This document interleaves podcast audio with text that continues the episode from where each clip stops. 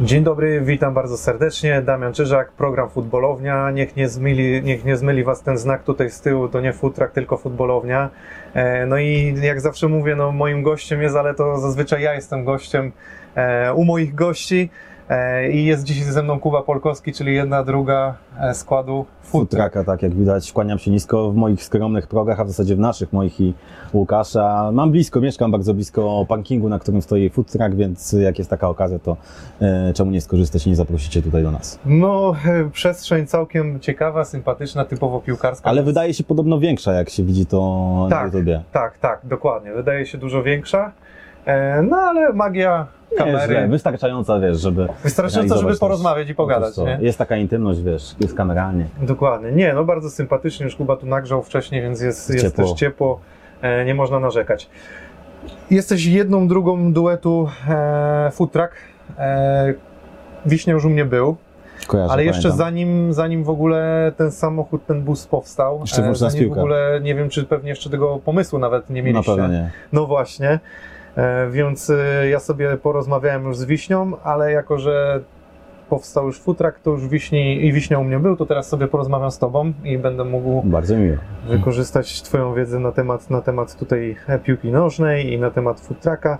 Powiedz mi, e, jak słuchałem jeden z wywiadów Waszych, jak opowiadaliście o, o futraku, Wiśnia e, też opowiadał o swojej e, współpracy w PZPN-ie z kadrą. Ty też współpracowałeś z PZPN-em i z kadrą, tylko tą młodzieżową. E, I on opowiedział jedną historię, którą ja nawet nie znałem i mnie mega zaskoczył. E, To było z tym spóźnieniem się na samolot. W Kazachstanie. Dokładnie. I powiem Ci szczerze, że ja nie wiem, czy on gdzieś ją opowiadał, ale no byłem, jak sobie wyobraziłem e, jeszcze Adama Nawałkę i jego, to, to było bardzo, bym powiedział, no przypałowe, nie? jak to się młodzieżowo mówi. No maksa przypałowy. No mnie tam nie było wtedy, ja to też znam tylko z opowieści de facto. Wiem, że Wiśnia miał chyba urodziny, bo tak wypadało zawsze, że te mecze wrześniowe pokrywały się z jego urodzinami e, 4 września i no, posiedzieli chyba tam przy lampce jakiegoś, albo przy kieliszku, może przy szklance jakiegoś trunku. E, I wiem, że im się przysnęło, ale nie to, że po prostu byli jakoś mocno zmęczeni tamtymi trudami, tylko też to była końcówka zgrupowania, to był ostatni mecz i po prostu odcięło im prąd na tyle, że no nie obudził ich budzik na czas. I, i rzeczywiście była tam panika, bo zorientowali się, że już cała kadra jest na lotnisku, już e, wchodzi na pokład i wiem, że tam jeszcze szła szyderka ze strony piłkarzy, którzy pisali, że tam boarding complete i tak dalej, ale z tego co pamiętam Kuba Błaszczykowski wstawił się za, za Wiśnią i za Kubą Rejmoniakiem, operatorem e, i powiedział, żeby poczekać na, na chłopaków, chociaż Zbigniew Boniek już tam e, proponował, że wrócą sobie innym samolotem następnego dnia na przykład, no ależ suma summarum też mieli szczęście, bo samochód, samolot był źle wyważony, jeżeli chodzi o ciężar e, bagaży i to wszystko się przedłużyło. No i później chłopaki szczęśliwie zdążyli dotrzeć. W międzyczasie zatrzymała ich policja w drodze na lotnisko, bo tam zasuwali z kierowcą dosyć mocno, ale weszli na pokład, wszyscy byli im brawo, było dużo śmiechu. Ale też jak przylecieli, to, to wiem, że no mieli jednak nieprzyjemności i, i tam dochodziło do jakichś tarci i delikatnych kłótni za to zachowanie, ale teraz, jak to zwykle bywa, takie historie wspomina się z uśmiechem. Tak, tak. y, i Wiesz, nie chodzi mi o to, że tu będziemy teraz o Wiśni i jego przygodach y, rozmawiać. Dużo o nim wiem, więc mogę ci Wiem, wiem, no to mógł pozdradzać jeszcze, będziemy mieli okazję, żebyś tam pozdradzał te smaczki i, i kulisy, ale bardziej mi chodziło, czy ty, czy ty miałeś taką przypołową sytuację podczas swojej kariery Mhm. e, PZPN-owskiej?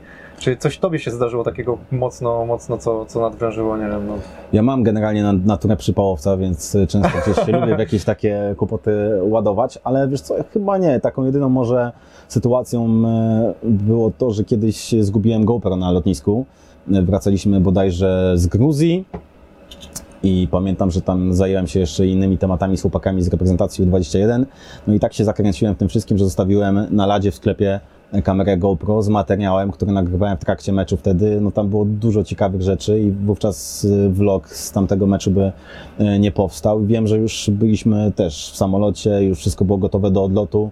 Ja mówię, dobra, chyba olewamy już to GoPro, trudno, ale Karol Świderski mówi, nie, no tam dawaj, namówił mnie na to, żeby jeszcze zapytać stewardessy. Rzeczywiście zapytałem stewardessy i ona powiedziała, dobra, że szybko zadzwoni do kogoś z obsługi lotniska i że postarałem się znaleźć. I wtedy wylot też się opóźnił chyba o 50 minut i też tam Czesław Michniewicz sobie e, szyderkę złapał z tego, z tego powodu, ale no to był taki delikatny przypał w porównaniu z tym, co, co miał Wiśnia. No, na pewno, bo to nie było tak, że nie było pasażera, tylko nie było GoPro. Zresztą e, inaczej podpaść Czesławowi Michniewiczowi, a inaczej Adamowi Nawałce mam wrażenie. No, na pewno, na pewno, przyznam, znaczy przypuszczam, że Czesław Michniewicz po prostu wykorzysta to jako szyderkę na Tak, i ma, ma zdecydowanie większy luz. Jasne. E, Słuchaj, jeżeli chodzi o ciebie, to mm, ty raczej nie jesteś jakby tak mocno zafascynowany tym mainstreamem, jeżeli chodzi o piłkę nożną. Mhm. Mówię tutaj e, o takich em, drużynach piłkarskich, Barcelona, Real, Manchester, Liverpool i tak dalej.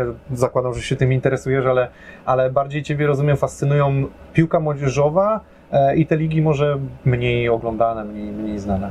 Znaczy, generalnie mam, wiesz, umysł, mam wrażenie, zainfekowany mocno przez piłkę i rzeczywiście śledzę wszystko. No, teraz akurat przed twoim wejściem jeszcze spoglądałem na derby e, Manchesteru, ale na pewno gdzieś te moje zainteresowania zawsze były może mm, trochę mniej popularne, bo rzeczywiście śledziłem to, co się działo, nie wiem, w lidze litewskiej, w lidze gruzińskiej. Pamiętam, że kiedyś czytając piłkę nożną czekałem zawsze na koniec rundy, kiedy na ostatnich stronach jeszcze takich żółtawych ukazywały się e, tabele wszystkich tych niższych lig, bo wtedy nie było jeszcze dostępu takiego powszechnego do internetu, więc nie mogłeś sobie wejść na Soccerwaya i sprawdzić, więc to mnie niezwykle kręciło. Zainteresowanie piłką nożną młodzieżową przyszło może trochę przy okazji, bo grałem dużo w Football Managera i gdzieś zawsze starałem się budować skład w oparciu o największe talenty i zawsze wyszukiwałem chłopaków z największym współczynnikiem i, i później byłem e, zadowolony, jak oni rzeczywiście w życiu realnym się mega rozwijali. I później jak dostałem propozycję pracy w PZPN z piłką przy piłce młodzieżowej, to się bardzo ucieszyłem i to jeszcze pogłębiło moją wiedzę na ten temat, bo jednak Właśnie, bo miałem jeździłem na zapytać, te turnieje. Czy to było e, tak, że tam piłką młodzieżową, jak zacząłeś pracę, czy przed? Czyli tu wyjaśniam, że przed jeszcze, zanim... Przed, tak, a później po prostu to, to, to się pogłębiło. Chyba Łukasz też sobie zdawał sprawę z tego, bo on gdzieś rekomendował moją osobę, że ja mam takie zainteresowania i że to może wypalić. Bo to też jednak jest trudna sprawa o tyle, że jeździsz z chłopakami, no, od których jesteś dużo starszy de facto. Ja, wiesz, kończyłem pracę w PZPN-ie, jeżdżąc na kadrę z rocznikiem 2002-2003.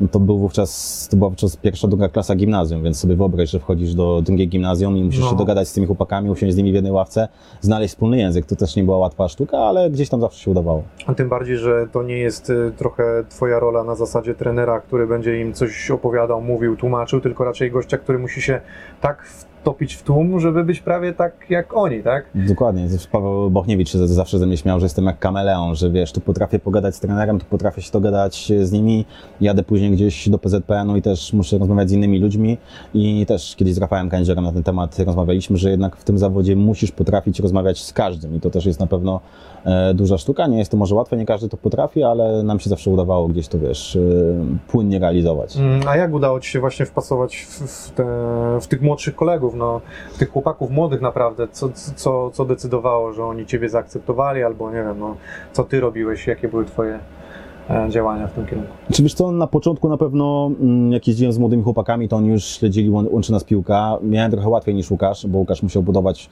to zaufanie wśród piłkarzy od zera, bo jednak to starsze pokolenie postrzegało dziennikarza jako, jako kogoś, kto wiesz, no jest intruzem e, tutaj w ich obozie, ale oni też e, powoli się przekonywali do wiśni ja miałem nieco łatwiej jednak. E, I gdzieś też chłopaki, z którymi po raz pierwszy pojechałem na zgrupowanie U17, E, Pamiętam, to była kadra Roberta Wójcika na turnieju w Grecji, rocznik 9-7 i tam był Dawid Kownacki, który miał 16 lat, Mateusz Wieteska, Bartek Drągowski i też masa innych chłopaków, e, którzy no może nie rozwinęli się tak, jak wówczas się wydawało. No i, i później jak e, oni byli też w U19, w U21, no to już znali mnie dobrze, znali mnie od lat, więc też mi było łatwiej funkcjonować. W grupie, traktowali mnie jak swojego, nigdy się nie czułem właśnie jakimś intruzem, tylko no, takim dopełnieniem albo spełnieniem może mojej pracy w PZPN była właśnie ta kadra Czesława Michniewicza, bo tych chłopaków znałem od lat, traktowałem ich jako kolegów, mieliśmy mega dobre relacje, no i czułem się po prostu częścią drużyny, siedzieliśmy zawsze z tyłu, wiesz, gdzieś razem, gadaliśmy, robiliśmy żarty, oni też mnie często podłapywali i no było fajnie, naprawdę to był mega, mega super czas. Jako, że jesteś fanem FIFA, to przy, przypuszczam, że nie było ci trudno zaraz w partyjkę FIFA pograć. Nie, no ja wygrywałem z nimi pieniądze właśnie, wiesz, graliśmy na kasę i zdarzało mi się wygrywać właśnie w duecie z Pawłem Bochniewiczem, bo tam były turnieje z wpisowym i, i wygraliśmy taki turniej, pamiętam. Tak? Tak, tam gdzieś Czyli- parę stówek padło. Czyli to od razu wpasowałeś się w ten, w ten rytm. Tak, pod tym względem to oni się bardziej wkurzali, że wiesz, że przegrywają ze mną, no to prawda. Z Kamilem Grabarą dużo graliśmy. A z kim przegrałeś? Wiesz co, no najczęściej chyba z Kamilem Grabarą przegrywałem. On jest, wydaje mi się, najlepszy w Fifkę z, z tamtej kadry. Zresztą on wbija Elite 2, wbił w FIFA 20, pamiętam, czyli to jest już taka naprawdę mega wysoka ranga i, i z nim miałem największe problemy. Okej, czyli nie, nie tak, że byłeś niepokonany, bo tak sobie Nie, myślę, jakbyś nie, ich zaczął pokonywać, to wreszcie nie przestali cię akceptować. Nie, zdarzało się, zdarzało się rzadko, bo rzadko, ale też grałem z Karolem Linettym, kiedyś jeszcze robiliśmy takie łączenie live i też miał grał, także Karol jest bardzo dobry FIFA również. Też niezły. E, A powiedz mi e, a propos jakby tego, że no, dostałeś się do PZP, no można powiedzieć, złapałeś tam pracę, masz... e, Co się stało? Jak to się stało, że w ogóle udało Ci się e, dostać do, do PZP? Bo jeszcze wcześniej pracowałeś w Kanal Plus, prawda? Tak, tak, tak. Więc w zasadzie jakbyś może opowiedział bardziej, co spowodowało, że, że, że trafiłeś tam, gdzie trafiłeś. No. W ogóle moja droga, że tak powiem, z dziennikarstwem sportowym zaczęła się jeszcze wcześniej. Miałem chyba, nie wiem, z 20 lat i napisałem maila takiego mm, soczystego, można powiedzieć, na adres kontakt małpa weszło.com, bo wówczas wiedziałem, że powstaje tygodnik, to był wówczas tygodnik Football News. W zasadzie chyba wychodził na początku dwa razy w tygodniu. I wiedziałem, że Krzysiek Stanowski stoi za weszło i wiedziałem, że Krzysiek Stanowski też będzie w Football News. I napisałem do niego tego maila, opisałem mu mniej więcej, jak patrzę w ogóle na środowisko dziennikarskie, co chciałbym robić w przyszłości. I jego to gdzieś na tyle dotknęło, zaciekawiło, że odezwał się do mnie i powiedział, że słuchaj, skontaktuje się z tobą Jacek e, Kmiecik, dzisiaj no taka postać, no, która mnie na pewno nie darzy już sympatią, bo później przyszedłem do PZP, no to już w ogóle, ale on też gdzieś e, nie potrafił się odnaleźć w tych nowoczesnych mediach, mam wrażenie, ale tutaj już na chwilę e, odbiegłem Off. od głównego tematu. No i zaczęło się od tego Football Newsa. Tam też nabyłem jakieś pierwsze kontakty. Poznałem się między innymi z Łukaszem Wiśniowskim wtedy. No, chociaż to była taka bardzo, że tak powiem, em, no, słaba znajomość. Jeszcze wówczas po prostu się spotykaliśmy gdzieś na jakichś meczach, treningach. Mm, Tam w redakcji był Przemek, Zyk, był Paweł Grabowski, który jest teraz w Kanał Plus i w Sport. Był Rafał Lebiedziński, który gdzieś teraz już wybrał inną drogę, mieszka w Hiszpanii. I to było takie moje pierwsze przetarcie, ale jak Football News upadł, to wiedziałem, że jednak e, no, chciałbym robić coś innego, że nie widzę mm, przyszłości w mediach e, pisanych, że chciałbym bardziej pracować jednak w telewizji i na początku byłem na stażu w Orange Sport, ale Orange Sport traciło wtedy prawa do ekstraklasy, też tam był taki średni klimat, jeżeli chodzi o to, co będzie w przyszłości. To był ten moment, kiedy tam pracowali wszyscy, można powiedzieć, Dokładnie. obecni. Mateusz Medy? Święcicki, Krzysiek Marciniak, Michał Wodziński. tak, był? Wiśnia był wtedy i wtedy już lepiej Wiśnie poznałem zdecydowanie. On mnie wziął w zasadzie pod swoje skrzydła. Robiłem e, wówczas materiały do Ekstraklasa Raport, takiego programu, który on wydawał, a prowadził Mateusz Święcicki i tam był mega fajny klimat, było dużo młodych chłopaków i to było też e, super doświadczenie, ale wiedziałem, że tam no, może nie być przyszłości, a w międzyczasie pojawiła się opcja pójścia na staż do Kanał Plus i Mhm. stwierdziłem, że dobra, zaryzykuję, zacznę w Kanał Plus od zera, ale może tam będą fajniejsze perspektywy. I tak w Kanał Plus zostałem przez y, 3 lata i też bardzo miło wspominam ten okres. Właśnie ostatnio wrzucałeś jakąś wspominkę a propos tego Kanal Plus. Tak, to ktoś w ogóle znalazł, wiesz co, jakiś materiał wideo sprzed chyba 8 czy 9 lat, na jakieś kulisy z redakcji, na których ja tam gdzieś się przewijałem w No, tle i rzeczywiście ktoś mnie zapytał, czym ja się zajmowałem w Kanał Plus. I tak naprawdę zaczynałem od, e, od zera, byłem takim gościem, który chciał być potrzebny, jeżeli e, było jakieś zapotrzebowanie na wykonanie jakiejś pracy, więc ja tam wycinałem obrazki do Super Piątku dla Czarka Olbrychta, pomagałem, nie wiem, Edkowi Durdzie w wycinaniu obrazków do mm, jego gal bokserskich, E, Pomagałem też Andrzejowi Twarowskiemu i Tomkowi Smokowskiemu, jeżeli chodzi o research do Ligi Plus Ekstra. Później te zadania były, nie wiem, coraz bardziej poważne. Wydawałem mecze, jeździłem na reportaże. Pamiętam, że byłem w Wilnie, robiliśmy materiał o Marku Zubie i, i Żalgirisie ówczesnym. E, Dobrze się wtedy też dogadywałem z dyrektorem sportowym Żalgirisu, który później mi przywiózł e, flaszkę. Jak Żalgiris przyjechał na mecz do Warszawy, się do mnie odezwał, żebym przyjechał, bo, bo gdzieś mnie dobrze wspominał z tych zdjęć. Mm, I naprawdę dużo fajnych rzeczy, tam się udało zrealizować. Na koniec jeździłem już na reporterkę, pamiętam, byłem chyba z 8-9 razy. Najczęściej trafiałem właśnie na Adama Nawałkę podczas tych moich wyjazdów, bo z nim robiłem chyba najwięcej e, rozmów, e, ale pierwszą pamiętam nagrywałem na Jagiellonii z Tomaszem Hajto. To też było takie duże przeżycie, ręka mi się tak po prostu trzęsła z wrażenia. No z Tomkiem Hajto na pewno mogła. E, czyli doświadczenie to początkowe zdobywałeś e, faktycznie robiąc rzeczy takie, zaczynając od, od najprostszych rzeczy, Dokładnie. prawda? Tak zawsze w Kanał Plus się mówi, że jest grupa Łasica, Mhm. e, teraz, która zajmuje się takimi rzeczami z pozoru niewidocznymi, a to jest taka praca u podstaw, to ja byłem właśnie takim przedstawicielem grupy Łasica wówczas. Zresztą był Marcin Gazda, był Filip Adamus, który pracuje teraz e, w PZPN. Oni przyszli już po mnie, ale też zaczynaliśmy w zasadzie na podobnym pułapie. Ale ty dziennikarstwa nie studiowałeś. A studiowałem właśnie. Studiowałeś? Studiowałem, tylko że mm, licencjat zrobiłem z dziennikarstwa, Mhm. chociaż nie uważam, żeby te studia mnie jakoś mega rozwinęły i nie są jakoś mega przydatne. Gdybym teraz... Bo to jest zawsze, to jest zawsze ten, ten, ten jakby dylemat, albo czy wielu młodych chłopaków pyta się, Tak. czy warto iść na dziennikarstwo. Chyba nie warto. Jak teraz miałbym wybierać, to poszedłbym na jakąś filologię. Nauczył się dobrze języka Ale obcego. bez tego prawdopodobnie mógłbyś zrobić to samo. Absolutnie, tak, tak, tak. Poznałem super ludzi i te znajomości gdzieś tam mi zostały. Też y, sporo osób z mojego roku gdzieś tam funkcjonuje w mediach i to jest fajne, ale nie uważam, że, żeby te studia jakoś mnie mega rozwinęły. Z drugiej strony szybko zacząłem pracę, ja byłem gościem na tych studiach i dużo osób się irytowało, że udaje mi się zaliczać jakieś egzaminy niewielkim nakładem pracy, bo traktowałem jakoś te studia po macoszemu, po prostu żeby mama mi nie gadała, że, że, żeby wiesz, żeby zrobić ten papierek, żeby mieć e, e, licencjat, później magistra i tak traktowałem to zawsze jako coś, co przy okazji gdzieś tam zaliczę po prostu. A taki przełom, jeżeli chodzi o Twoją wiedzę i doświadczenie, to kiedy nastąpił? Kiedy czułeś, że naprawdę nauczyłeś się bardzo dużo? Że mógłbyś robić znacznie więcej, bo wiadomo, w każdej pracy, czy na każdym stażu, czy na każdym etapie przychodzi taki moment, że no tu naprawdę się już dużo nauczyłem, chciałbym robić coś więcej. Mhm. Znaczy ja nie jestem takim typem z latana, który wiesz, uważa, że jest we wszystkim najlepszy. Raczej nie, zawsze Nie, nie, nie, podchodziłem... nie w tym mniemaniu. Mhm. Bardziej mi chodzi, że czujesz, że, że w tej pracy już. już... Tak, znaczy ja rozwijając tą moją myśl, po prostu zawsze wchodziłem, czy to do redakcji e, Football News, wydawało mi się, że wtedy słabo piszę i że nie wiem, czy będę w stanie e, spełnić oczekiwania, gdzie po pewnym czasie, po kilku miesiącach widziałem, że spokojnie sobie daję radę i też się rozwijałem w tym aspekcie i później dobrze się czułem pisząc. Y, Bardzo sobie ten warsztat gdzieś podszkoliłem po prostu pracując. Podobnie było z telewizją, uczyłem się jej od początku, od podstaw. Zacząłem oglądać dużo też materiałów z francuskiego Kanał Plus, bo mieliśmy wówczas do niego dostęp i patrzyłem, jak są zrobione reportaże e, w tamtejszej telewizji. Oglądałem je namiętnie, nałogowo i na tym się uczyłem. I później starałem się to realizować też e, w polskim oddziale i, i tak się rozwijałem, myślę, po prostu pracując na co dzień w redakcji. A od kogo najwięcej się nauczyłeś? Masz kogoś takiego, na kim się albo wzorowałeś, albo od kogo się naprawdę bardzo dużo nauczyłeś?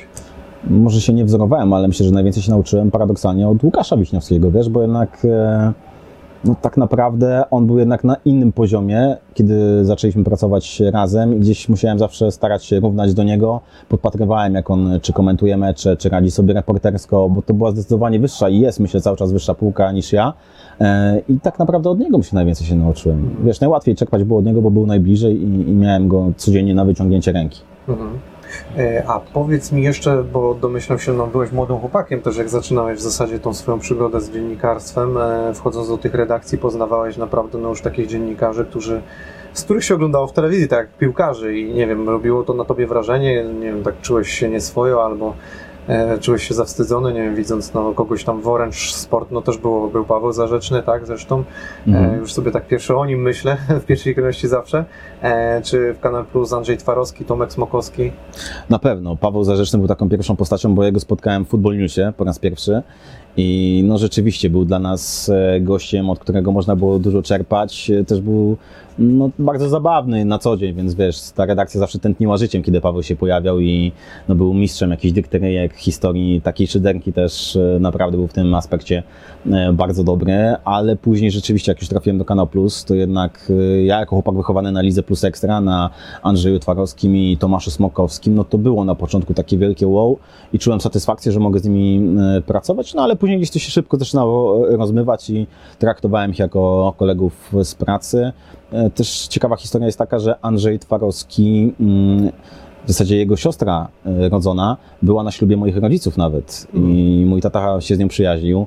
Chodzili do jednej klasy, do jednej szkoły i tak naprawdę ja powiedziałem taty, tacie, że nigdy nie chcę korzystać z tej znajomości, że zobaczysz, że ja sobie sam poradzę i tam się dostanę, nie? I miałem z tego satysfakcję, bo ja powiedziałem o tym Andrzejowi dopiero chyba kilka lat później, jak już pracowaliśmy razem, że rzeczywiście mój tata zna jego siostrę dobrze i, Mhm. i rzeczywiście siostra to potwierdziła.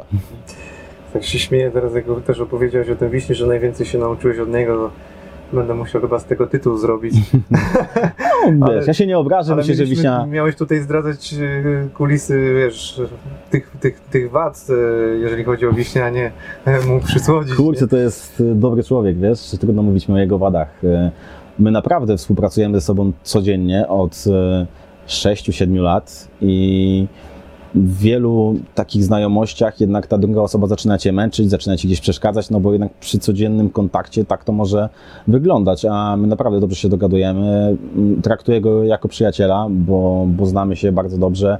Nasze żony też się przyjaźnią. Nawet pamiętam, że e, dwa lata temu dwa lata temu moja żona mi powiedziała, że rozmawiała właśnie z Anią Wiśniowską, żebyśmy pojechali razem w zimę na urlop i ja tak mówię do niej, kurczę, czy to nie za dużo, że pracuję z nim na co dzień, jeszcze mamy razem jechać teraz na, na urlop, żeby tam pojeździć sobie na snowboardzie, i, ale było super, nie? I też się dobrze, dobrze czuliśmy, teraz jedziemy razem na Sylwestra, także to jest coś więcej niż współpraca, bo my naprawdę się wzajemnie darzymy dużą sympatią i przyjaźnią. No, uprzedziłeś trochę moje pytanie, bo z, z, chciałem trochę poznać kulisy tego waszego duetu. Zazwyczaj to, to może od innej strony zapytam.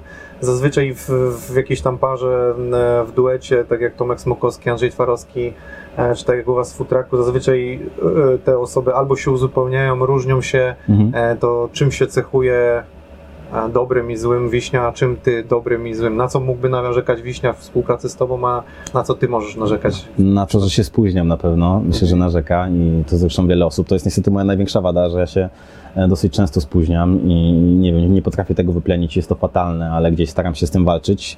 Mm, Wiśnia jest na pewno showmanem i ja nigdy taki nie będę chyba jak on w tym aspekcie, bo jest postacią, która mm, no, ma taką aurę, jest też e, gościem, który mm, nawet nie wiem jak to, jak to określić, no ale po prostu potrafi właśnie zrobić show. Myślę, że to najlepiej go oddaje. Jestem nieco bardziej stonowany w tych emocjach, w okazywaniu tych emocji m, przed kamerą. E, Jeżeli chodzi o jakieś wady wiśni, trudno też mi je wskazać, bo, bo No naprawdę dawaj, jakoś no taki... możesz już teraz powiedzieć tutaj. To pojawi się u mnie na kanale, no nie obejrzy i... Wydaje mi się, na pewno, na pewno gram lepiej od niego w piłkę O, i wydaje mi się, że ciut lepiej znam się na piłce, ale to O, tak, tak, to nie wiem, czy się za to nie obrazi, ale, to jest mocne. ale to wydaje mi się, że tak. No. Ale wiesz co, myślę, że obaj na tym korzystamy, bo ja mogę Rozumiem, czerpać od no, niego, a myślę, że on też czerpie dużo ode mnie, czy od naszego operatora y, Krystiana Kija, który jest piłkarzem czwartoligowym, ale też naprawdę znakomicie rozumie piłkę, Mm. mm, jeżeli chodzi o taką grę sensu stricte i mamy razem taką grupę na Workplace, to jest taki coś ala Messenger i często rozmawiamy sobie o różnych meczach, o poszczególnych akcjach i, i ta wymiana myślę, że jest taka owocna dla każdego z nas. Mm, a jeżeli chodzi o twoje wady, na co Wiśnia mógłby narzekać? Oprócz tego spóźnienia się, coś jeszcze jest takiego? Kurczę, no nie wiem, musiałbyś się go zapytać, tylko to mi mówić o swoich wadach. To jest trudne pytanie, W rozmowach mo- kwalifikacyjnych zawsze jest, żeby Tak, powiedzieć jakie, coś. jakie wady. Wiesz co, może za, za dużo gram FIFA właśnie i nie lubię zdjęć w poniedziałek, bo jestem wówczas zmęczony, bo gram w ligę weekendową, często kończę ją gdzieś o pierwszej, drugiej w nocy i jestem niewyspany. To... E, Dużo młodych e, chłopaków, no, jakby oglądając wasz, wasz kanał, no, zazdrości wam na pewno tego młodych dziennikarzy, że, że macie taką możliwość e, rozmawiania naprawdę z gwiazdami co najmniej polskiej piłki, ale u was były też zagraniczne gwiazdy i to te, te obecne i były. E, A jeżeli mógłbyś opowiedzieć właśnie mm, trochę o może kulisach powstania samego food trucka, skąd to się zrodziło. Ja nie ukrywam, że ja już trochę Mhm. słyszałem, bo, bo jakby śledzę wasze poczynania, ale może widzowie niektórzy, którzy chcieliby poznać te kulisy, mógłbyś też trochę opowiedzieć. Mhm. Nie wiem, czy to się da powiedzieć w skrócie, ale W takim dużym skrócie, wiesz co, na pewno ten projekt by się nie udał, gdyby nie grupa Abstra i nie chcę im tutaj słodzić, bo nie o to chodzi, ale pamiętam, że spotkaliśmy się z Olkiem Wanzlem, z Robertem Pasutem, a więc z jednym z członków e, Abstrahuję. Mm, I była taka burza mózgów, jeżeli chodzi o to, jak ma wyglądać nasz kanał na YouTube, bo my chcieliśmy po prostu z Łukaszem założyć coś swojego, ale do końca nie mieliśmy mm, jakby sprecyzowanych naszych planów, nie mieliśmy jakiegoś wielkiego pomysłu na to. I Robert Pasut stwierdził, że musimy mieć jedną przestrzeń, w której będziemy nagrywać. Ale mówimy, że kurczę, musimy być mobilni w tej, w tej przestrzeni, żeby mm, po prostu można gdzieś pojechać z tym i, i nagrać to w jednej scenerii, no to przydałby się do tego samochód. I właśnie wtedy się zapalił pomysł, że kurczę, to weźmy, zróbmy jakąś furgonetkę, przeróbmy ją na studio i że to będzie żarło. I rzeczywiście wtedy ten pomysł wszystkim się spodobał. Poszliśmy, pamiętam, tutaj do Warszawy Wschodniej z Olkiem na obiad i Olek y, wówczas wymyślił nazwę Food Truck. Wszyscy stwierdzili, że, że jest to super. E, oczywiście Olek mówi, tylko nie mówcie z Rafa, e, Rafałowi, Robertowi i Pasutowi, że to mój pomysł, bo od razu to skrytykuje, bo on uważa, że e, tacy ludzie gdzieś tam od e, finansów, e, czy też e, osoby z zarządu nie są kreatywne na tyle, żeby można było to e, wcielić w życie i napisaliśmy, że jest to nasz pomysł i rzeczywiście Robert Pasut to podłapał, mówi, że, wow, że, że super, że zajebiście i robimy to. to Olek ma satysfakcję chyba. Ma, ma, ma, ma, tak, to on jest tutaj pomysłodawcą, jeżeli chodzi o nazwę. A, a myślisz, że gdyby nie Abstra, dalibyście radę stworzyć coś swojego na takim poziomie? Mm, Na takim poziomie wydaje mi się, że nie. Też Abstra wtedy inaczej funkcjonowało. Trafiliśmy na taki okres, wydaje mi się, dużej prosperity, jeżeli chodzi o całą firmę. I nawet nie wiem, czy teraz ta nasza wizja mm, byłaby realna, bo de facto wiesz, musisz kupić samochód. Kupiliśmy Fiat Ducato. To firma Abstra to finansowała, czyli musisz spłacać leasing, musisz wykończyć je w środku. Tak. To też kosztowało kilkadziesiąt tysięcy złotych, a więc my własnym sumptem byśmy absolutnie tego nie dali rady zrobić. My prowadziliśmy też rozmowy jeszcze z innym podmiotem, który był zainteresowany gdzieś tam e, zrobieniem kanału razem z nami, ale jak oni usłyszeli o tym, jak to ma wyglądać, to stwierdzili, że się nie podejmą, że chyba finansowo jest to zbyt y, ryzykowne dla nich i, i dobrze wyszło jak wyszło. Myślę, że dzisiaj Aptera też jest zadowolony z tego, jak ten kanał wychodzi, y, jak, jak to wszystko wygląda, bo wiesz, początkowo jak odchodziliśmy z PZP, no to wiele osób się pukało w czoło, bo tam miałeś ciepłą posadkę. Moja mama na przykład, czy mój tata tego też nie rozumieli, że kurczę, jak to odchodzisz z Polskiego Związku Piłki Nożnej i nie będziesz już tam pracował, gdzie tak naprawdę masz bezpieczną posadę i tak dalej, ale nas, nas kręciło właśnie chęć zrobienia czegoś swojego, czegoś niezależnego mm, i to też cię stymuluje jednak do rozwoju, że, że idziesz y, dalej i z perspektywy czasu obaj chyba jesteśmy z tego zadowoleni. No ale ten przełom w dziennikarstwie no, nastąpił dosyć duży. No, Mhm. w, No teraz to już w ogóle się lat. zmieniło. No, każdy raczej poczuł, że, że ten internet daje mm, wielką wolność Mhm. i każdy szuka tej wolności.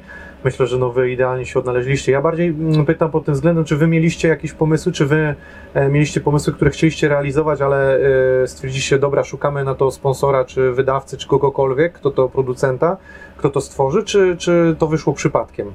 Znaczy, mieliśmy takim naszym benchmarkiem, posługując się taką nomenklaturą już powiedzmy Finansowo. poważniejszą finansową. Za tak, dużo. dokładnie, przez, przez niego. E, Był kanał Copa 90, który nam się mega podobał. No, Pamiętam, znam, jak to śledzę, więc- wyglądało i tam był właśnie e, Wujanić i poet i, i chcieliśmy być też takim duetem, który po prostu podróżuje sobie po Europie do piłkarzy i gdzieś przybliża ich widzom w takich luźnych relacjach, bo my traktujemy wielu zawodników jako swoich kolegów. Przez lata pracy w PZPN te znajomości jednak stworzyliśmy i to teraz e, nam procentuje.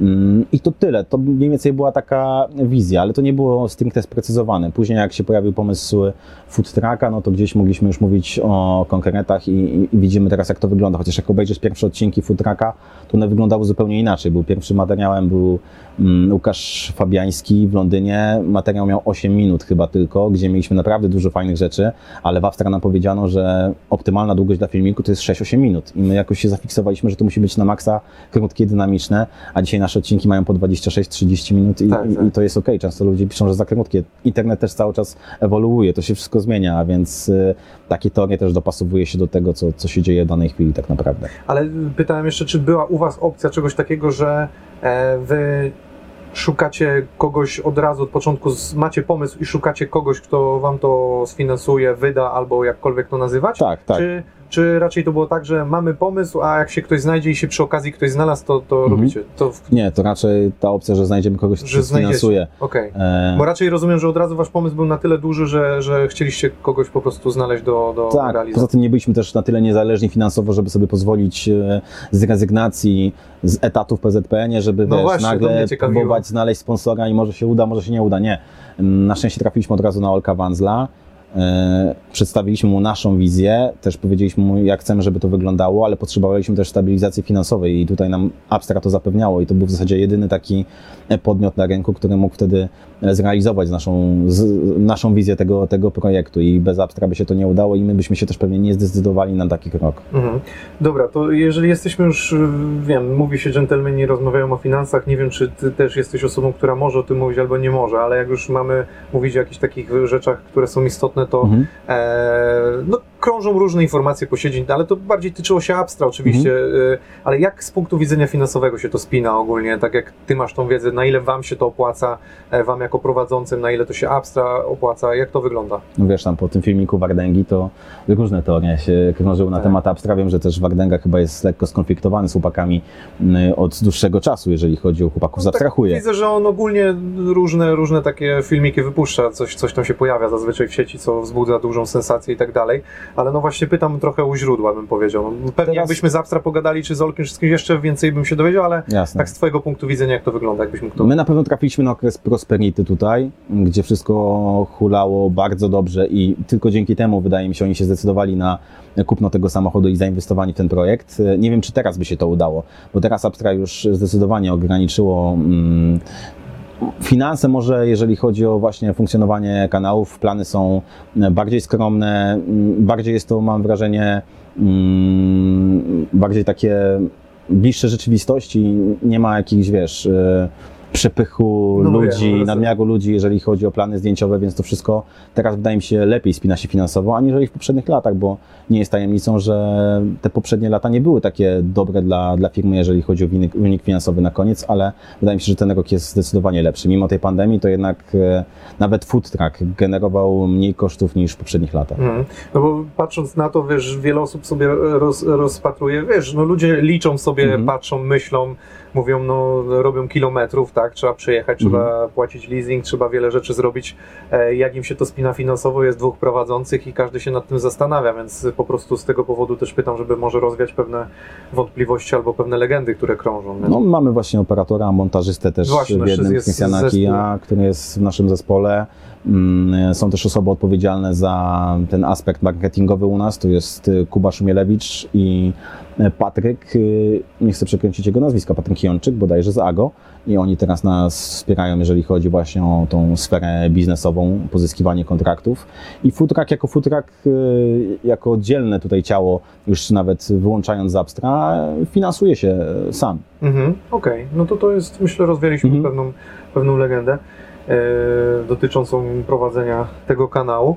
Ale właśnie, żeby taki projekt mógł funkcjonować, potrzebne są takie kontrakty, jak mamy na przykład z STS-em. Bez tego nie bylibyśmy w stanie funkcjonować. Czasami ludzie się mm, zrzymają na to, że my wrzucamy jakieś tweety mm, oznaczając STS czy kupony i tak dalej, ale to też jest część naszej współpracy. Po prostu wiemy, że bez tego no, nie bylibyśmy w stanie realizować tego projektu. No generalnie na polskim YouTubie raczej z wyświetleń mało kto tak żyje, nie? Raczej, Tak, tak, raczej tak. to są Myślę, zewnętrzne że kanał kontrakty. sportowy może żyć z AdSense'a, bo oni mają dużo publikacji. Częstych, dużo Tak, więc u nich może Znaczy, gdzieś tam... no, na pewno- żyć to może nie, tylko No to za dużo powiedziane, bo no, tam dużo no, ludzi też Pokrywa pracuje. część kosztów. Część na kosztów na pewno No. w większym wymiarze niż u nas. U nas AdSense jest dodatkiem tak naprawdę. Tak, tak śmieję się zawsze, bo każdy się pyta właśnie o jak jest z tymi ile wyświetleniami, na czy takim filmiku zarabiasz, no, zarobisz, no, no. no, no, ja sobie zawsze mówię, no, no, no nic. No tak, tak, tak, tak, tak. Bo patrząc na to.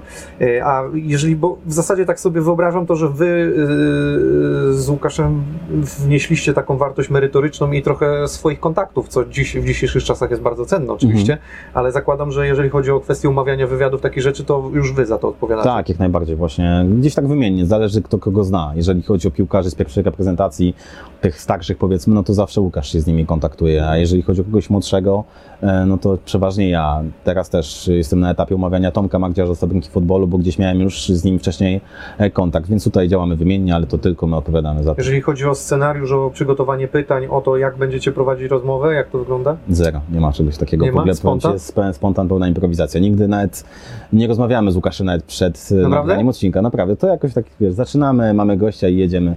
E, wiesz, czasami zdarza się, że nie wiem, Łukasz się zapytał to, co ja się chciałem zapytać, ale to, to normalne. Ale jakoś rzadko kiedy nawet się konsultujemy na ten temat. Ale jakoś przygotowujecie się do rozmowy? Przygotowujemy się zawsze, tak. Często poprzez rozmawianie z innymi ludźmi, które znają danego e, zawodnika, mm, albo też mm, ze względu na swoje doświadczenia z daną osobą. Tak, nie, przygotowani to zawsze musimy być. Nie, nie, zdaję, bo wiesz, tak wiadomo, że można spontanie, tylko ja, ja zazwyczaj mam znowu tak, że mam tak dużo pytań, że muszę najczęściej wykluczyć więcej Mhm. pytań niż, niż sobie dopisać. Zazwyczaj tego miejsca brakuje na to, żeby wszystkie zadać. Czasami jak jedziemy razem samochodem też, na przykład już na zdjęcia, teraz głównie podróż, podróżujemy food truckiem. Ja siadam za kierownicą, Łukasz obok i jeszcze Krystianki i wtedy dzwonimy na przykład do kogoś, e, kto zna danego piłkarza i sobie wiesz razem Weź na, na głośno mówiącą, tak? tak, tak, tak, Mhm. o co warto zapytać, czy jakieś tego typu historie, to tak. No myślę, Tak że, będąc, nasz research. że będąc w duecie, a, a na pewno jeżeli macie jeszcze dodatkową osobę, t, która, która jest związana Mhm. bardzo z piłką, to przypuszczam, że no, e, burza mózgów jest bardzo twórcza tutaj w Mhm. tym wypadku, bo inne ma spojrzenie ty na to, inne ma spojrzenie Wiśnia, jeszcze osoba totalnie można powiedzieć z zewnątrz, e, ale związana z piłką też ma jeszcze inne, no bo to daje jakieś, jakieś pole możliwości. No to na pewno wygląda e, ciekawie. A jeżeli chodzi o kwestie jakichś takich planów e, związanych e, z rozwojem e, kanału, czy, czy waszego food trucka, macie jakieś takie plany jeszcze rozwojowe, czy na razie jest to tak, jak chciało, chcieliście, żeby wyglądało, czy... Mhm.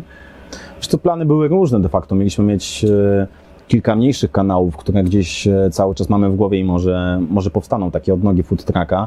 E, Takim pierwszym symptomem tego był Food Truck Live, a więc e, magazyny o ligach e, zagranicznych typu Calcio Track, był Bundestrack, był też Tak, tak, L-Track. E, Chłopaki też niektórzy już nie mieli czasu, żeby to robić. Calcio Tracki cały czas gdzieś tam dzielnie walczą na, na polu bitwy i za to dla nich wielki szacunek. Był też piłkarski poker, który de facto był też odnogą e, Konrad. futraka z Konradem Szymańskim, ale tutaj przez pandemię temat to niestety został wstrzymany na razie. Mm, Pojawiają się jakieś tematy sportowe, być może w przyszłości taki kanał też e, powstanie. Na pewno taką rzeczą, którą chcemy rozwijać jest e, format publicystyczny i być może w przyszłym roku uda się robić go regularnie. To, jest, to są te nasze live'y, które będą miały już bardziej profesjonalne może ramy z Krzyśkiem Marciniakiem z Mateuszem Święcickim.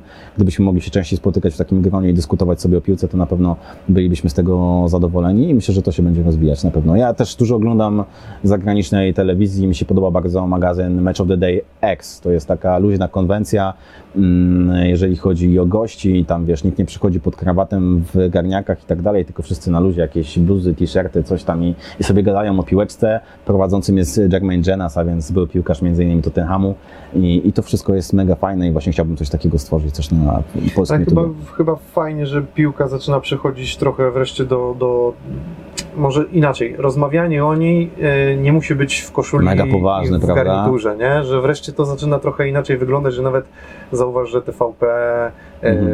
no nie w Polsce to śmieję się z tym gotowaniem, Mhm. bo oni już może No tak. są pod krawatem, ale gotują na antenie, ale jakby na samo TVP niektórzy dziennikarze, ja tak e, kiedyś z Sebastianem Milą właśnie napisałem do niego, że e, Kurowski, Jacek Kurowski, Tak jest. Powiem ci, tak jak kojarzę tego dziennikarza ze starych lat, a teraz to jest jakby w ogóle inny facet, tak mam wrażenie, nie? Też Że- bardziej taki wyluzowany. No. Ale wiesz, to dobry przykład, myślę, że Krzysiek Marciniak właśnie.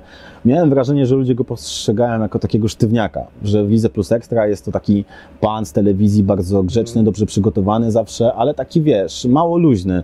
A kiedy zaczął się pokazywać u nas na live'ach, to nagle ludzie pisali, wow, nie wiedziałem, że Krzysiek Marciniak Tak, jest takim tak, spoko tak. gościem. Więc też cieszę się, że udało się go, wiesz, odczarować troszeczkę dla, dla tej publiki YouTube'owej. No ja myślę, że Krzysiek, nie znam go prywatnie, więc ale przypuszczam, że jest zupełnie inną osobą niż ten, bo widzę, że jeszcze go trzyma lekko takie... Czasami może rzeczywiście też to widzimy, ale powoli go puszcza. Jest naprawdę mega super gościem, też e, kumplujemy się z nim od lat. Ja z nim współtworzyłem grany poniedziałek kiedyś w Kanał Plus, jeździłem z nim na wyjazdy, też wiele przygód razem prze, przeżyliśmy i, i to był fajny czas. Na pewno to taki mój chyba najlepszy kumpel z branży sportowej obok Łukasza Wiśniewskiego. No wy w środowisku nie ma co, ale się dosyć dobrze znacie, tak? Większość z was właśnie zaczynała w tym samym momencie, mam wrażenie, że to jedno pokolenie właśnie, tak, ja, ja się śmieję trochę to jak to, to Mhm. pokolenie Orange Sport Tak, tak, tak. e, obecnie no, bryluje na, na, w, studiach telewizyjnych. No, Mateusz Święcicki, Tomek Włodarczyk też. I wszyscy się no. znamy, wszyscy się kumplujemy. Wszyscy się znacie. A, a na ile uważasz, że branża, jak oceniasz w ogóle branżę dziennikarską? To jest specyficzne. Ja ci powiem, ja jestem akurat spoza, tak? I, i ani nie jestem dziennikarzem, nie jestem z tym związanym, można powiedzieć, ale to ja to sobie tak to obserwuję, Mhm. mam jakieś swoje wnioski, widzę to i ciekawi mnie twoje spostrzeżenie.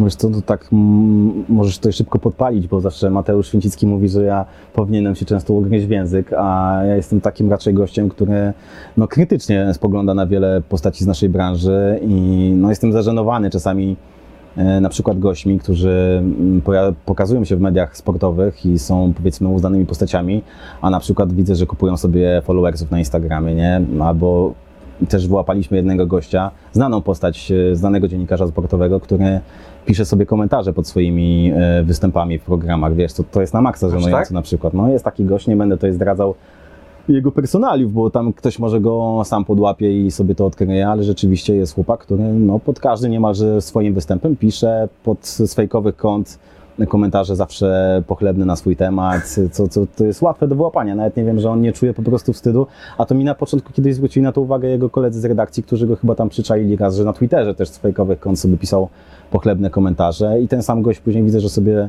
kupił 10 tysięcy followersów na Instagramie, że nagle z 2000 mu skoczyło na kilkanaście, żeby mógł sobie dodawać tylko swipe up, no to to jest słabe na maksa i to jest taki wycinek tego Tak środowiska akurat mogę się domyśleć. Jak który, tak który mnie gdzieś no, trochę żenuje. Mało jest takich gości, którzy mają też e, szerszy background, e, bo ja na przykład uważam, że musisz mieć jednak szerokie horyzonty.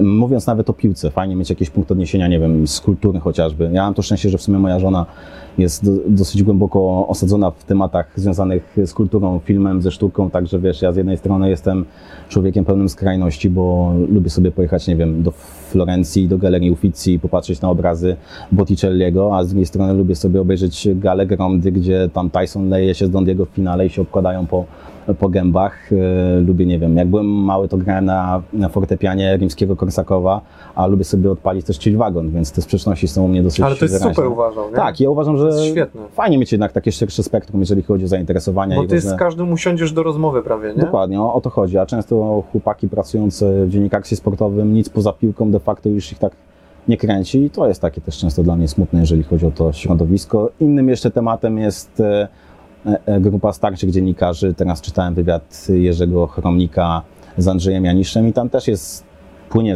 taka puenta z tego wywiadu, która krytykuje współczesne pokolenie dziennikarzy, że tak naprawdę kiedyś to było, a teraz to jest e, fatalnie, ale de facto oni też kiedyś pili, nie wiem, więcej gorzały, na przykład byli mniej profesjonalni. Świat się zmienia, język ewoluuje i trzeba się do tego dostosować, a nie tylko krytykować, że, że kiedyś to było fajnie i byliśmy większymi erudytami, a, a teraz to, to tylko, wiesz, ludzie robią kopiuj w klej i, i w ten sposób działają. To też jest jedna moja uwaga do młodych dziennikarzy, że oni tak naprawdę nie mają za wiele kontaktu bezpośredniego z piłkarzami i kopiują na przykład wszystko, co napiszą hiszpańscy dziennikarze. O, jak w marce ktoś napisał tak i tak, to, to, to ja to przepiszę i wrzucę u siebie na Twittera. Albo jak Jorge Valdano coś powie, to dla mnie to jest świętość i ja też to u siebie na Twitterze będę dalej kolportował. Brakuje im wyciągania wniosków poprzez własne przemyślenia. To też jest taka moja obserwacja i to jest taka, to jest też często taki, mam wrażenie, błąd tego pokolenia.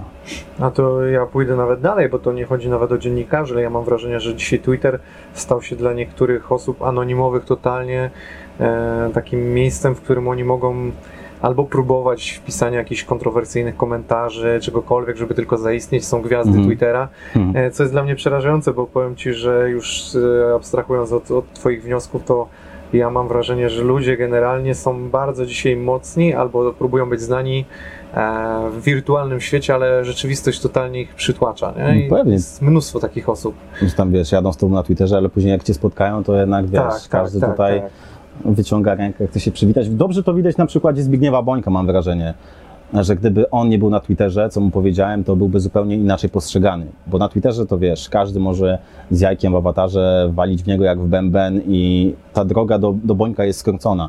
To dla nich jest po prostu rudy albo ktoś tam, wiesz, z Twittera, Tak, nie? tak, A jednak tak, jakby tak. to był by pan prezes Polskiego Związku Piłki Nożnej, legenda polskiej piłki, który nie wchodzi w takie interakcje, no to też mam wrażenie, że to postrzeganie jego byłoby inne. A tak to często sam jest, że tak powiem, dostawcą memów. Tak jak na przykład wrzucił swój sprint na plaży, no to ja od razu wiedziałem, że to się rozejdzie po prostu viralowo e, po sieci i będzie mnóstwo przeróbek i, i sam się często wystawia na strzał przez to. Ale to nie tylko mam wrażenie, powiem Ci szczerze, że nie tylko mam wrażenie się troszeczkę wystawił na to wszystko Zbigniew Boniek, ale mam wrażenie, że e, no, Tomek Smokowski, Mateusz Borek, kurczę, Tak, powiem tak. Ci, że nie wiem, czy oni więcej zyskali na tym, czy stracili. Ja, ja Mhm. osobiście odczuwam, że lepiej ich postrzegałem. Miałem wrażenie, że dla mnie to byli panowie dziennikarze tacy naprawdę Mhm. top, top. A dzisiaj czasem te ich takie dialogi z osobami, które, tak jak mówisz, mają cokolwiek w awatarze, nie wiem, czy to jest potrzebne, nie? Że, No, że, Zgadzam się z tobą, absolutnie, wiesz. bo co takie- innego my jesteśmy młodymi osobami, nie? I, a my ich oglądaliśmy w telewizji, a, a co innego jakby no... wiesz, z tych social mediów też musisz umieć korzystać. Jak dasz się złapać na jakąś wypustkę No. i w to popłyniesz, no to później już nie ma przebacz, to już będą z tobą e, jechać. Każdy najmniejszy błąd tam jest od razu wykorzystywany. Też taką osobą, która no, gdzieś nie funkcjonowała dobrze w social mediach i odbiór jest zupełnie e, zakrzywiony przez to, jest Przemek Rocki, no, który ma mnóstwo No. swoich e, adwersarzy, hejterów e, właśnie przez swoją działalność najpierw na Twitterze, teraz też go często podłapują za to, że wrzucił chyba 4000 zdjęć na Instagramie, Mm, a Przemek jest naprawdę bardzo fajnym gościem, bo też go znam od wielu lat e, prywatnie, ale gdzieś nie potrafi tego może czasami sprzedać właśnie poprzez social media. Może też nie jest mu to potrzebne, może gdzieś tam e, ma na to delikatnie mówiąc wywalone, ale rzeczywiście duże grono, zwłaszcza osób z tego starszego nieco Tak, pokolenia dokładnie. od nas, no ma problem, żeby gdzieś się odnaleźć, zwłaszcza na, na Twitterze. E, dobra, bo wracając teraz troszeczkę do futraka, bo e, przeszliśmy do, do, do naturalnie... Szeroka analiza już no, środowiska dziennikarskiego Ale nie, no wiesz, że ciekawi mnie twoje spostrzeżenie z, prostej, z prostego względu, że wiesz, że, że dziennikarze różnie postrzegają to swoje środowisko, ale mam wrażenie, że ono jest dosyć zamknięte. To nie Jest. jest tak, że jest fajnie, jak wchodzi ktoś nowy. Mam wrażenie, że starzy dziennikarze albo w ogóle dziennikarstwo bardzo się broniło przed internetem. W momencie, kiedy on już wkroczył i nie było innego wyjścia, to nagle wszyscy przekierowali swoją drogę dokładnie na internet i każdy szuka swojej, swojego miejsca tam.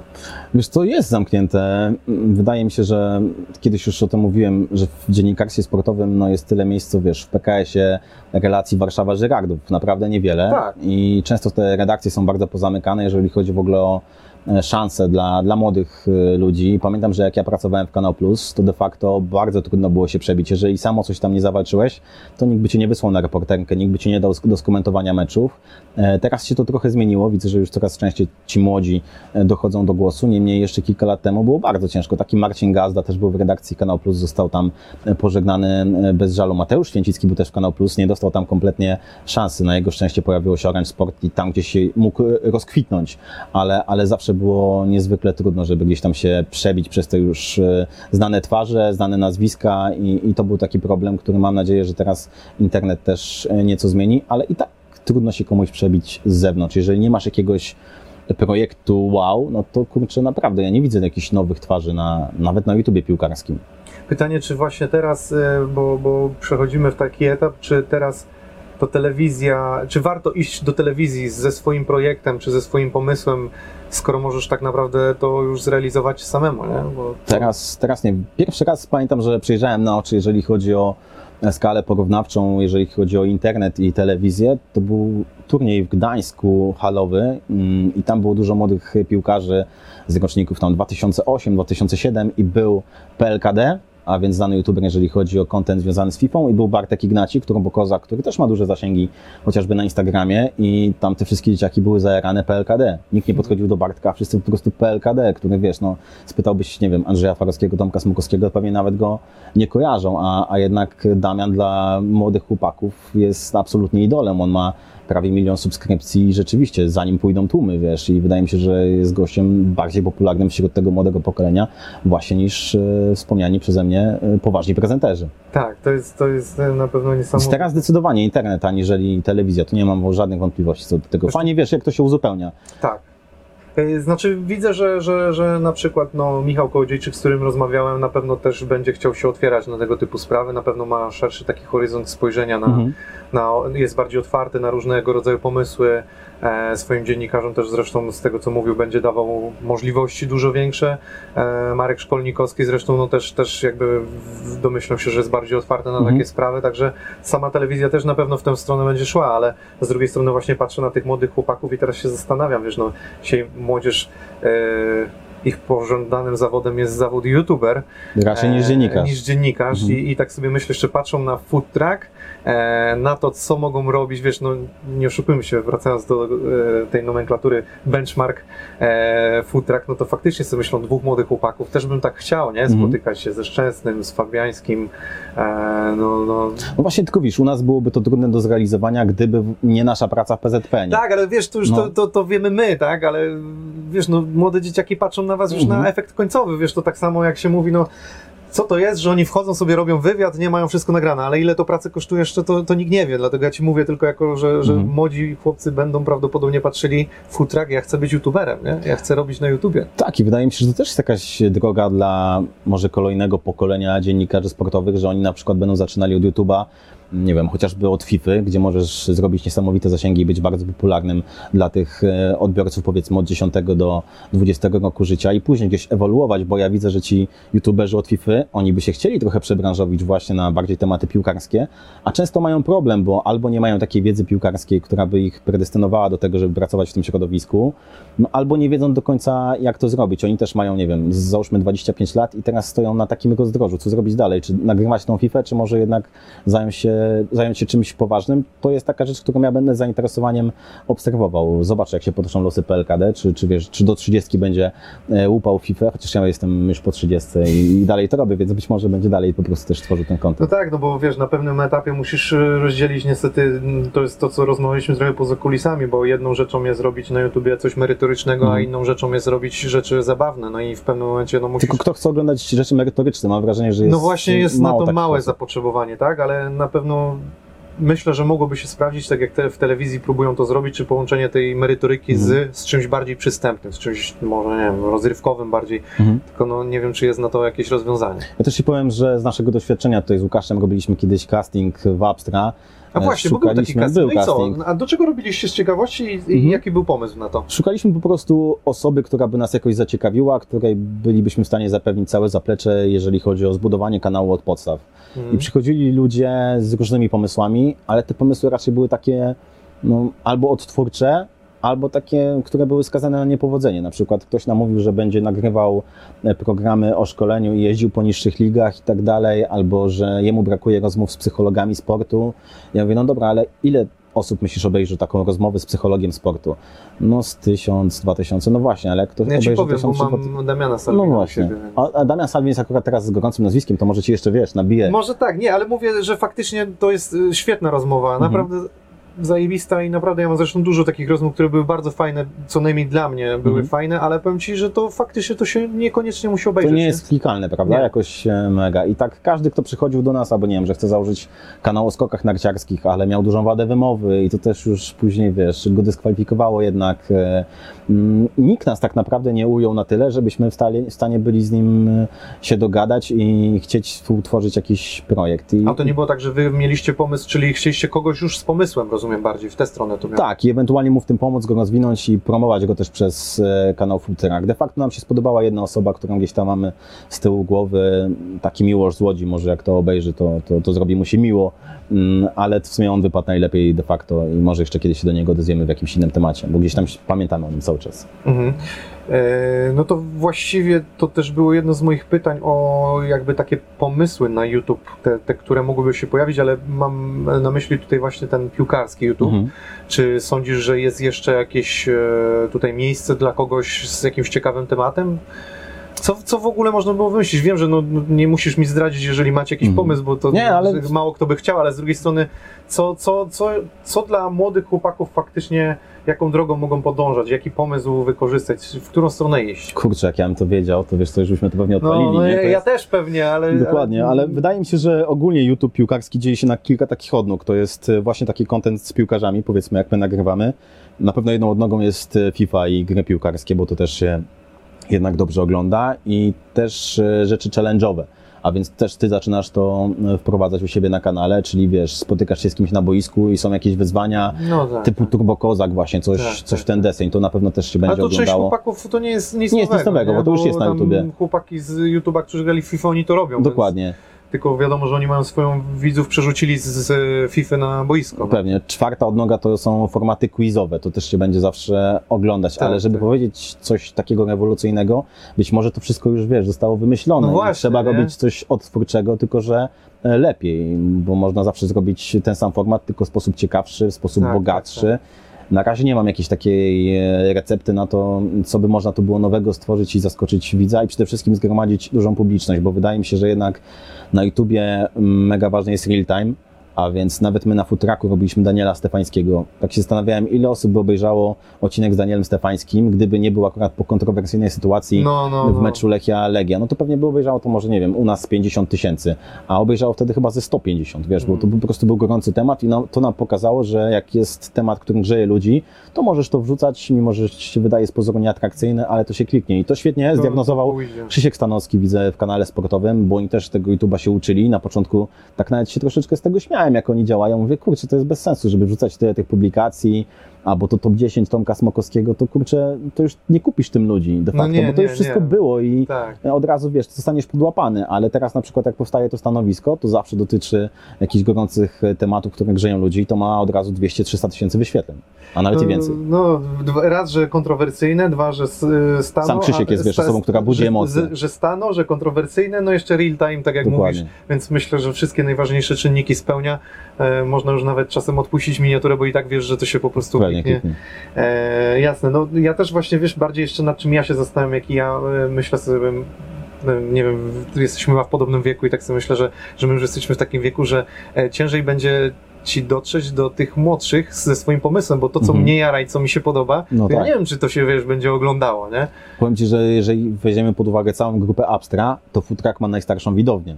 Jak są takie badania statystyczne, wiesz, z nie dziwię, bo YouTube'a. ja też mam dosyć... No, e, mamy 18,36, taką, no to jest to nasz, ja mam nasz to core. samo, no. A tu wszyscy raczej mają Po, tą, zdecydowanie... tą jedną e, szczebelek niżej i mają tą największą, nie? Dokładnie, dokładnie. I wiesz, tam, jest to samo właśnie. Zresztą że- widzę, że kanałem Beksy, tam Na- Nadią Długosz ekscytuje się młoda publika na Twitterze teraz e, i to właśnie są takie osoby, które oglądają na przykład takie kanały, nie? Więc u nas, u nas ta publika jest starsza i też gdzieś staraliśmy się walczyć o tego młodszego widza. Czasami jest nam miło, teraz byliśmy w Sosnowcu, spotkaliśmy naszego wiernego fana, chłopaka z chyba U12, drużyny Zagłębia Sosnowiec i on mówił, że ogląda wszystkie odcinki, bo się mega interesuje piłką.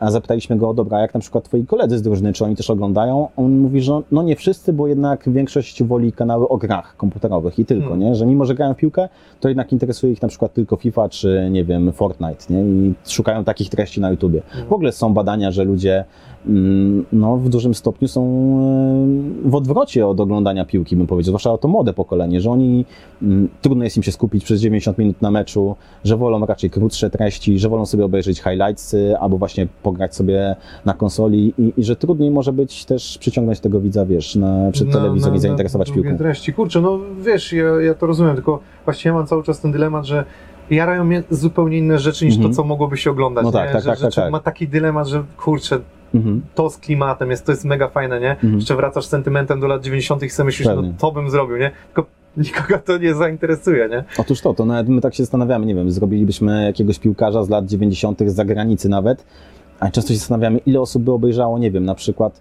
może Milana Barosza, czy to jeszcze sporo, nie wiem, takiego A jak Jana ze Schmeichelem Kolera. było? Wiesz co, no też bez rewelacji, No to właśnie, tam nie? 112 tysięcy może, czy coś, to Ja sobie myślisz, że kurde, mega nazwisko, prawda? Ja To- jestem fanem Manchesteru, więc no stary, no jak ja to zobaczyłem, to mówię, nie no, dla mnie to jest gratka, nie lada gratka. My też zobaczyć, nie? podekscytowani, albo tutaj jest zdjęcie Ronalda de Bura, nie? No. I tu też byliśmy z Wiśnią mega przejęci, że mogliśmy się z nim spotkać i No przecież dla, facto dla, dla nas, naszego pokolenia, no to to jest niesamowite mega postaci. postać, prawda? No. Ale gdybyśmy go wzięli do futraka i zrobili z nim odcinek, to też nie byłby mega klikalny. Zdecydowanie lepiej by się kliknął, nie wiem, e, Preджus na Kulma, którego byśmy tutaj Tak, wzięli do środka, tak, tak, albo nawet tak. Paris Platinów, po prostu, Tak, wiesz, jako tak. człowiek, który tylko tam nagrywa piwkę. No, no, dokładnie. Yy, właśnie, wracam cały czas do futraka, próbuję Ciebie zapytać o jedno, czego nie dokończyliśmy wcześniej a propos tego. Najciekawsze i najtrudniejsza rozmowa, jeżeli chodzi o Was. Mm, To może od tych najtrudniejszych zacznę, bo jakoś mnie jest łatwiej od razu wskazać. No to wiadomo, są takie osoby, które są małomówne albo które się bardzo stresują. Mm, Na przykład mieliśmy, mamy w ogóle jedną rozmo- rozmowę nagraną, której nie puściliśmy i gdzie ja byłem załamany po prostu po tym odcinku, bo wiedziałem, że no nie ma tam nic ciekawego. Gość nam odpowiadał bardzo krótko. Nawet nie wiem, czy zdradzać jego personalia, ale Ona się Ale pojawi, czy nie? nie pojawi się już na to pewno ten możesz, odcinek, tak? To, to był Janusz Gol. Wiesz, nagraliśmy Okej. go i ten odcinek był na maksa słaby i stwierdziliśmy, że e, go nie puścimy, ale też nie puściliśmy go ze względu na to, że on e, mm, raz, że nie chciał się odnosić do kwestii Krakowi, No, z którą no. wtedy był na ścieżce wojennej i zaraz po nagraniu już odszedł do Dinama e, Bukareszt i to wszystko, Okej. czy może nie, może inaczej, on rozwiązał kontrakt, do Dinama poszedł później, ale to wszystko się szybko zdezaktualizowało i, i stwierdziliśmy, dobra, to odpuszczamy ten odcinek, ale jakoś też nie płakaliśmy po tym, bo po prostu był bardzo słaby. Zdarza się, że gość się stresuje. Widziałem to po Sebastianie Walukiewiczu, że się stresował, ale gdzieś mimo tego stresu i tak wypadł bardzo fajnie i on sam powiedział, że kurczę, nawet nie sądziłem, że się u was tak wyluzuje, nie? Bo, bo to nie jest człowiek, który się czuje dobrze przed kamerą. Takie obawy na przykład ma też Piotr Zieliński, który nie wypada dobrze w wywiadach E, i on sam o tym otwarcie mówi i już wielokrotnie miał do nas przyjść. On e, ma dobrą relację z Wiśnią, Wiśnia był u niego na weselu, kumplują się, są w stałym kontakcie, ale zawsze mówił, że kurczę, wydaje mi się, że, że nie wypadnę dobrze, chociaż teraz już wydaje mi się, że jest e, po słowie i być może na, na wiosnę, jak przyjedzie na kadrę, to uda się go tutaj e, zaprosić. Ale jest trochę takich gości, gdy ja też sam robię e, te wywiady, wiesz, wydaje mi się, że jadę do kogoś, kto ja powinienem się stresować, nie? Wiadomo, że trochę wywiadu zrobiłem i że to ja będę się stresował, ale wchodzę, ja już przyzwyczajony jestem więcej, Mhm. tego stresu mam znacznie mniej i nagle patrzę, że mój rozmówca jest zestresowany, Mhm. nie? I tak sobie myślę, że jestem bardzo w dużym szoku i staram się jego wyluzować bardziej niż żeby ten, więc zakładam, że też byliście zdziwieni, że niektórzy się faktycznie stresują.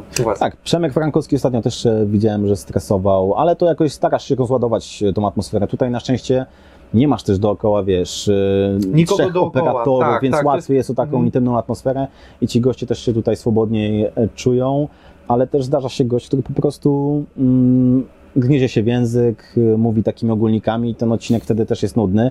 Mm, Pamiętam, że Maciej Żurawski był jednak dla mnie lekkim rozczarowaniem, jeżeli chodzi o, o rozmowę, bo, bo miałem takie poczucie, że też mm, można było może z niego więcej wycisnąć, ale to może nie, nie była do końca nasza wina, po prostu Maciek raczej stara się tak, tak. ważyć słowa bardzo i nie chciał powiedzieć nic A kontrowersyjnego. to dziwne jest, bo ci powiem, y, znaczy nie, nie, inaczej, to mnie właśnie nie dziwi z tego względu, że zrobiłem sporo rozmów z tymi piłkarzami z lat 90., y, czy 2000 e, i tak sobie myślę o nich, że w zasadzie skończyli już karierę, mogliby naprawdę mówić Mhm. wszystko, a powiem ci, że mam wrażenie, że oni się bardziej gryzą w język niż obecnie piłkarze. Tak, i u nas była taka fajna sytuacja niedawno też e, był Jacek Szynówek, który wypadł bardzo fajnie i wysłaliśmy ten odcinek Mariuszowi Lewandowskiemu, do którego jechaliśmy później.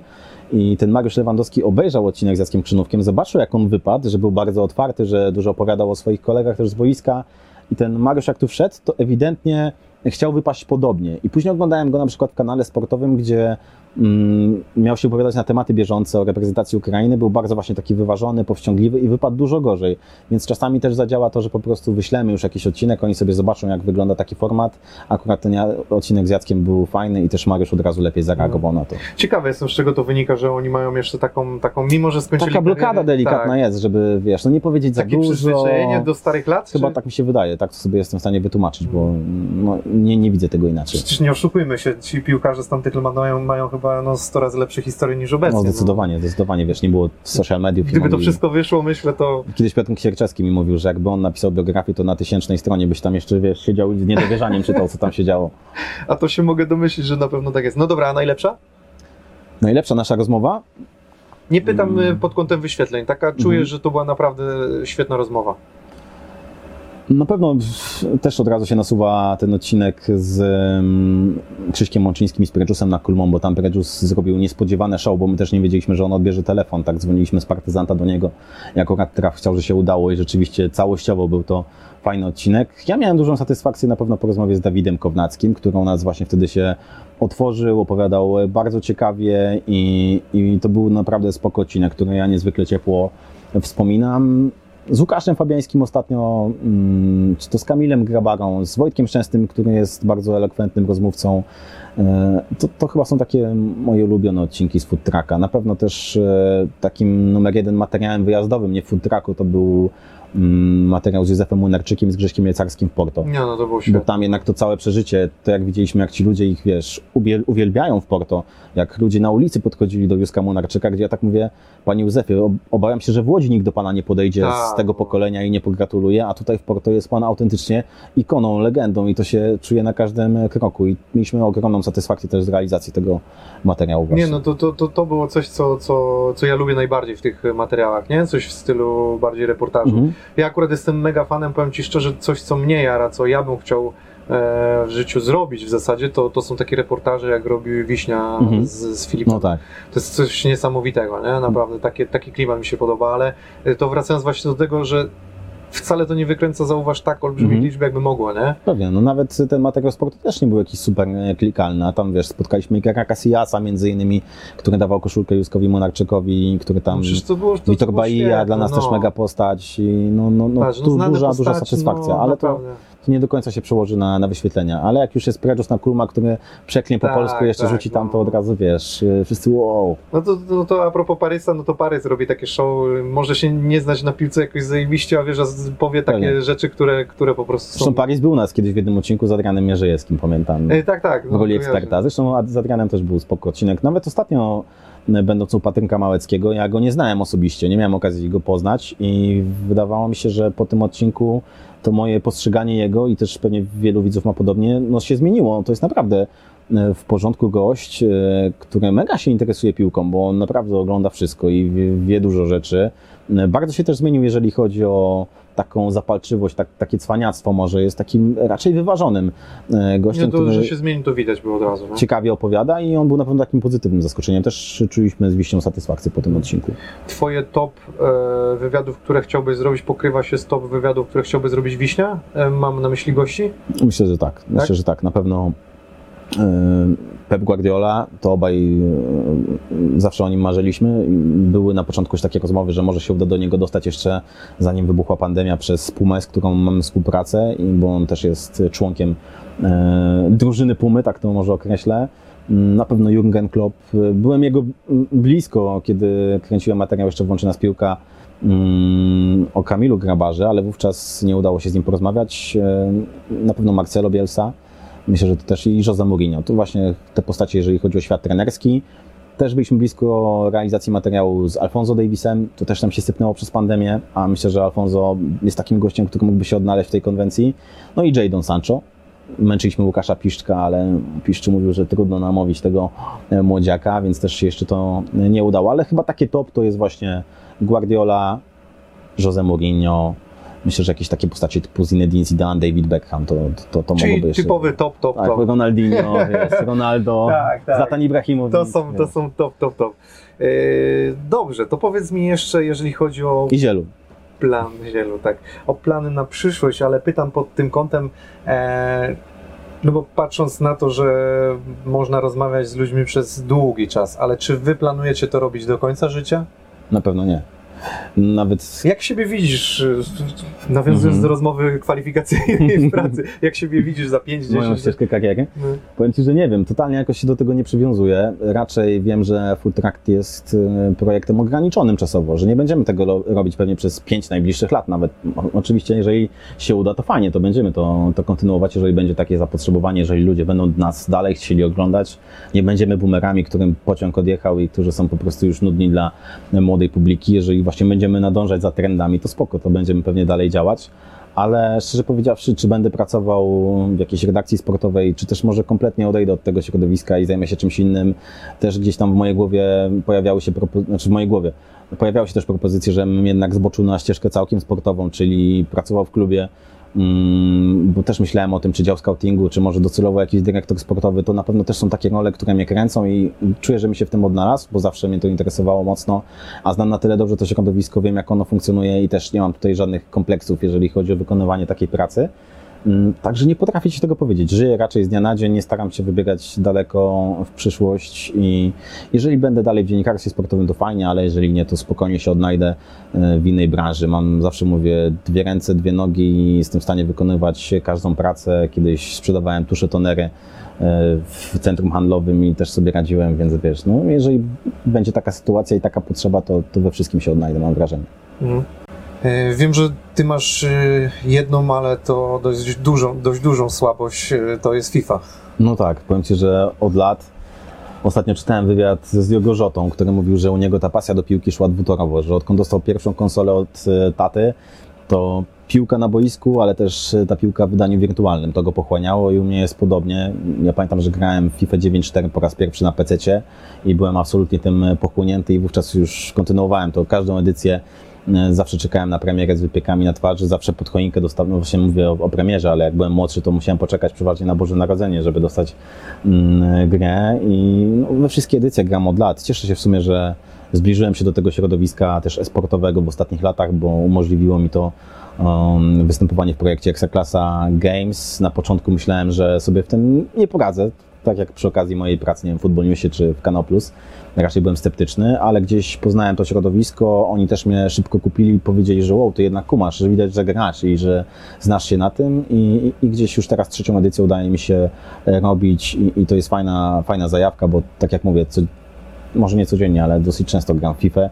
Mm, Przeważnie to 4-5 razy w tygodniu mi się zdarza odpalić konsolkę, żeby gdzieś tam e, się zmierzyć z rywalami. Ja też bardzo lubię rywalizację, czy to właśnie na boisku, czy to też na tym wirtualnym, a więc żeby zagrać z kimś po sieci, to mnie zawsze kręciło i, i dlatego mimo, że tracę dużo nerwów, e, pojawiają się siwe włosy na mojej głowie, to jednak e, liga weekendowa zawsze jest grana u mnie. W sumie w FIFA 27 nie opuściłem jeszcze ani, ani jednego Food Champions, co też o czym świadczy, a tylko właśnie moja żona często już gdzieś tam ma tego serdecznie dosyć, więc musimy jakoś się dogadywać w tym aspekcie i tam wiesz, jak, albo jak idzie spać, to wtedy odpalam konsolę, albo jak jest czymś zajęta, albo gdzieś idzie do pracy, to wtedy mogę grać więcej meczów. E, No jest to uzależnienie na pewno, które jednak sobie mogę też to wytłumaczyć w ten sposób, że jest to też część moich obowiązków zawodowych teraz, bo żeby być autentycznym, wiarygodnym, no to muszę grać w tą grę, tak, żeby później o niej e, mądrzyć się w programie. Fajnie, fajnie to sobie wymyśliłeś. Tak jest. Tego, tego się trzymam. Zresztą ja mentalnie czuję się młodszy niż de facto wskazuje na to, wiesz, mój dowód osobisty, więc myślę, że tak mentalnie dopiero się zbliżam do 30, a więc jeszcze, jeszcze duży luz. Ale ja to rozumiem, bo konsola to jest coś, no, za naszych czasów dopiero konsole Pegasus Pewnie, nie tak, wchodziły, oczywiście. więc my jesteśmy takim pokoleniem, które tak. dopiero weszły, więc myślę, że te pokolenia, co teraz grają na konsolach, to myślę, że oni będą grali do późnej starości i to będzie już normalnością. Dla nas to może jeszcze takie postrzeganie dziwne, że, że, że w tym wieku możesz grać na konsoli, nie?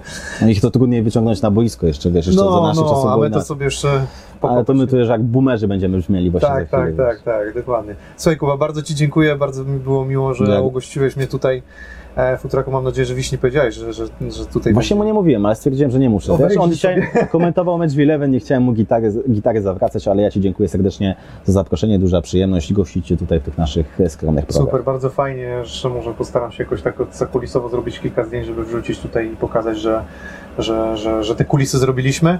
E, No i fajnie, że opowiedziałeś o tych kulisach, bo na pewno może, może widzowie dowiedzą się czegoś, czego nie wiedzieli, a, a oglądają już efekt końcowy, prawda? Więc to już zupełnie inaczej. Pewnie, a może są tacy, co w ogóle nie widzieli futraka, a jeżeli są, to zapraszamy No serdecznie. właśnie, na to kanał. z mojego kanału oczywiście zapraszam. No przypuszczam, że, że, że ten YouTube piłkarski jest mały, ale jeżeli Wydaje mi się tak, że raczej ci widzowie się pokrywają. pokrywają, no na pewno. E, Więc, e, ale jeżeli ktoś nie był, to zapraszam na Fulltracka, naprawdę e, coś, co warto śledzić.